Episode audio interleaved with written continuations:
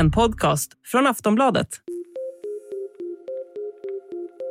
Eh, det är fortsatt stor osäkerhet kring den ekonomiska utvecklingen framöver och jag vill vara tydlig med att eh, vi kan vänta oss tuffa, tuffare tider framöver. Eh, inflationen har stigit till höga nivåer både i Sverige och omvärlden. Eh, centralbanker runt om i världen har börjat eller signalerat att de kommer att börja höja styrräntorna. Sammantaget tynger detta hushållens konsumtion investeringar och export vilket innebär att tillväxten i svensk ekonomi dämpas.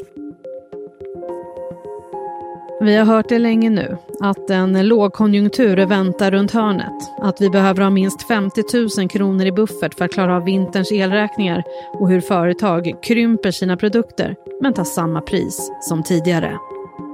Ja, vi har några riktigt tuffa år framför oss.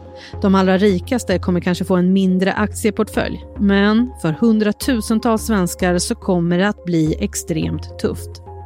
Antalet personer som har så kallad låg ekonomisk standard har vuxit rejält sedan Sverige senast hade en så hög inflation som vi har nu. Och nu kommer lite siffror, så häng med här. 1991 så hade 7,3 procent av svenskarna låg ekonomisk standard enligt Statistiska centralbyrån. 2020 var den siffran 14,7 procent. Och de som drabbas värst är ensamstående mammor. Sedan 91 så har den andelen stigit från 12,5 procent till 37,5. Låg ekonomisk standard betyder att man har en inkomst på 60% mindre än medianen i landet. Och samtidigt som elpriser, boräntor, drivmedel och matpriser rusar i höjden så förväntas också arbetslösheten öka de kommande åren. Är Sverige på väg att bli ett fattigt land?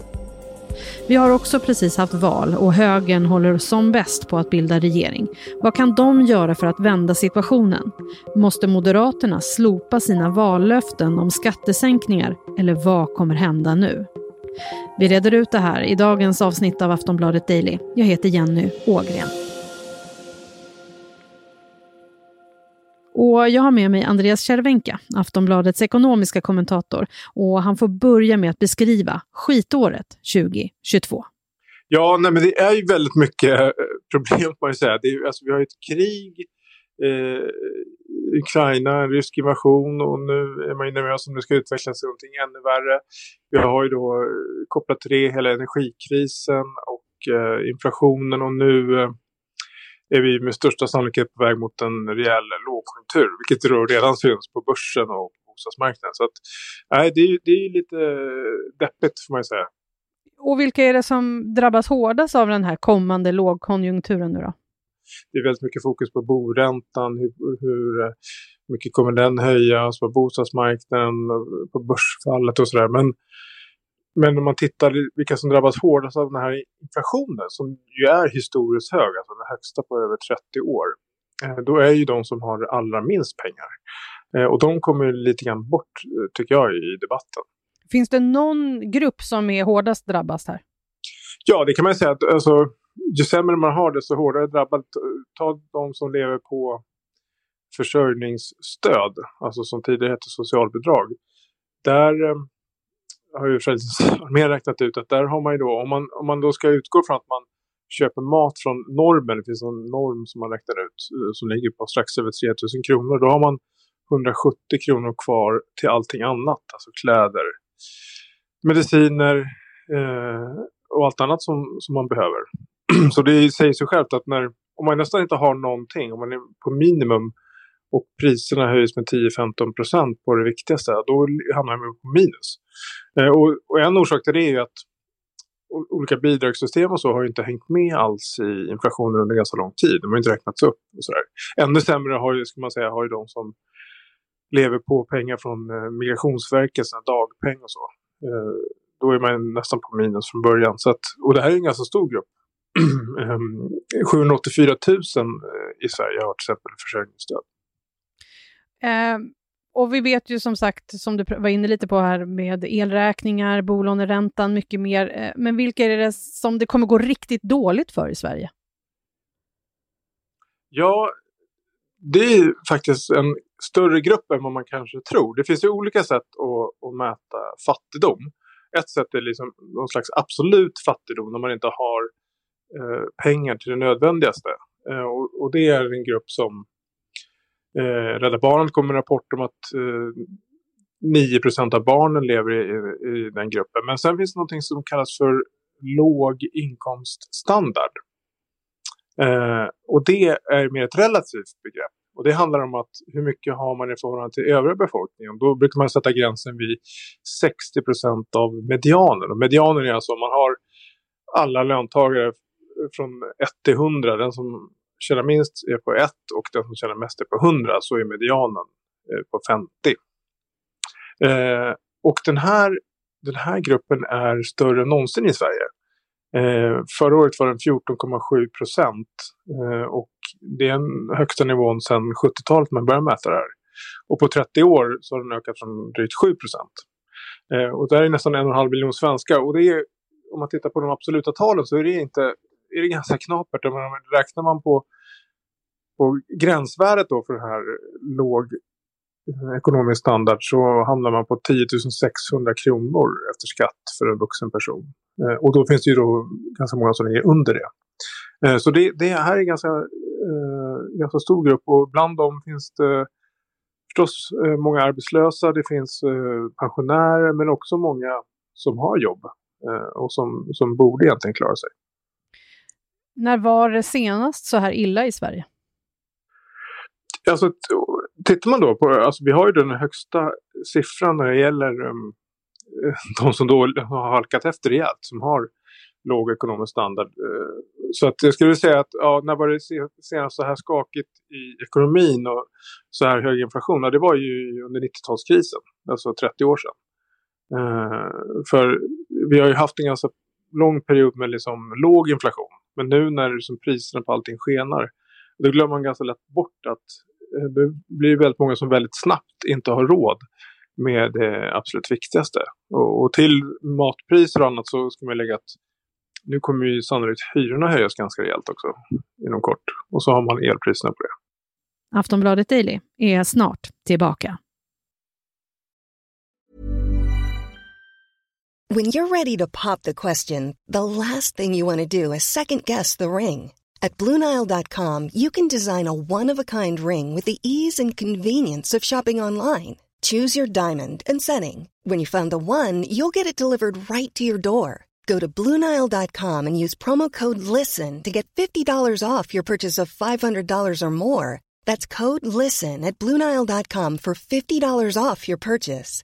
Bluenile.com code LISTEN. Du var inne lite på det tidigare, men varför tror du att det inte rapporteras mer om de som har det riktigt tufft?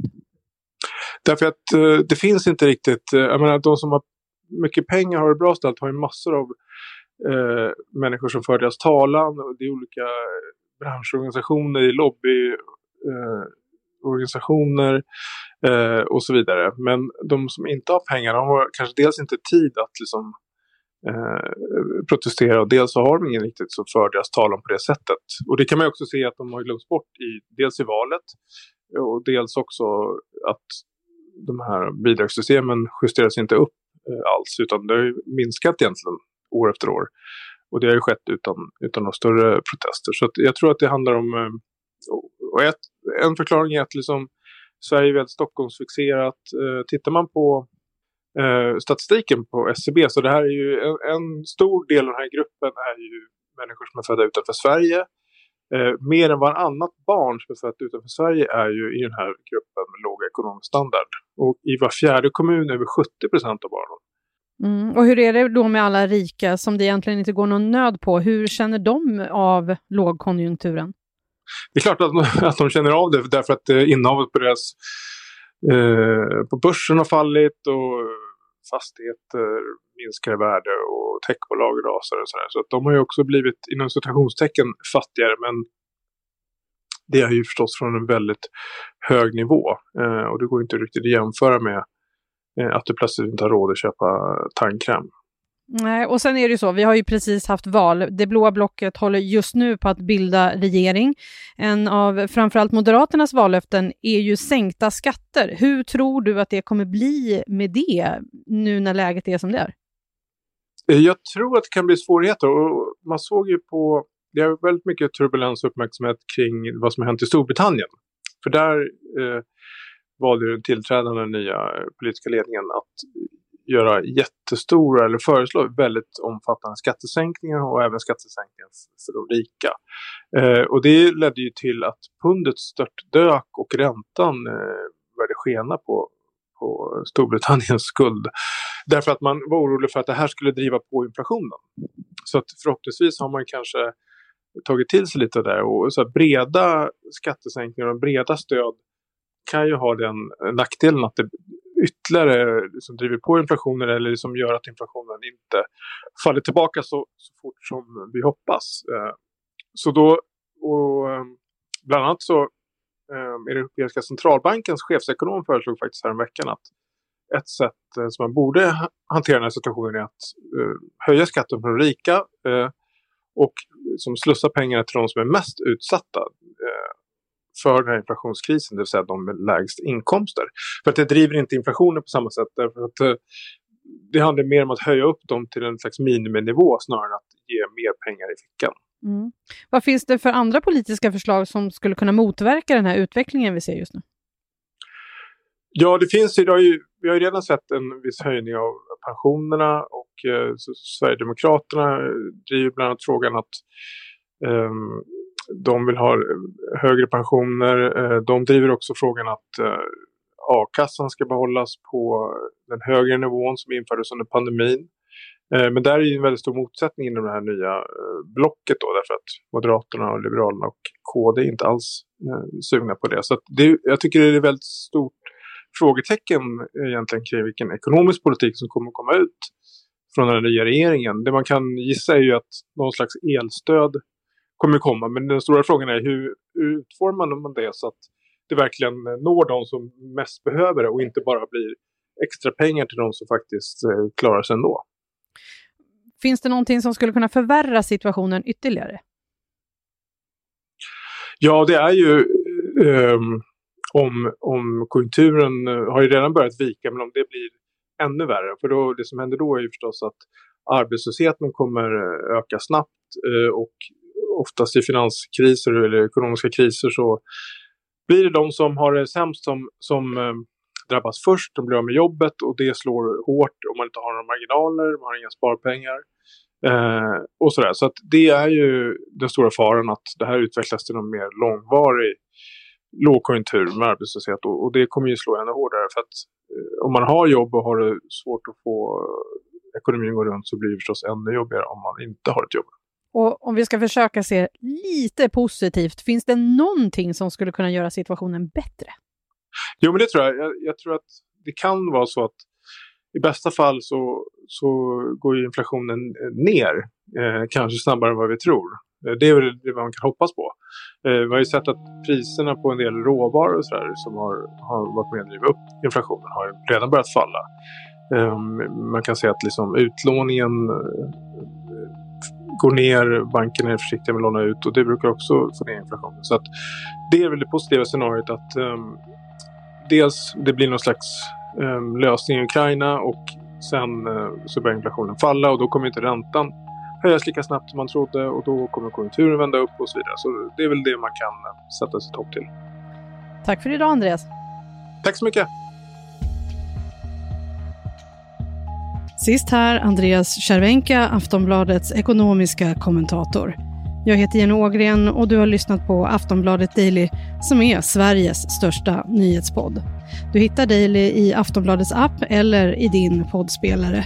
Du får gärna följa oss så missar du inga avsnitt. Vi hörs snart igen. Hej då!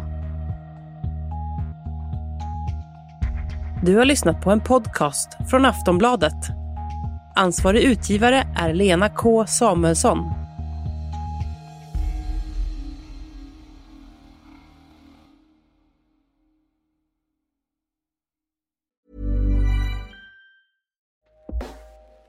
Hey everyone. I've been on the go recently Phoenix, Kansas City, Chicago. If you're like me and have a home but aren't always at home, you have an Airbnb. Hosting your home or a spare room is a very practical side hustle. If you live in a big game town, you can Airbnb your place for fans to stay in. Your home might be worth more than you think. Find out how much at airbnb.com/slash host.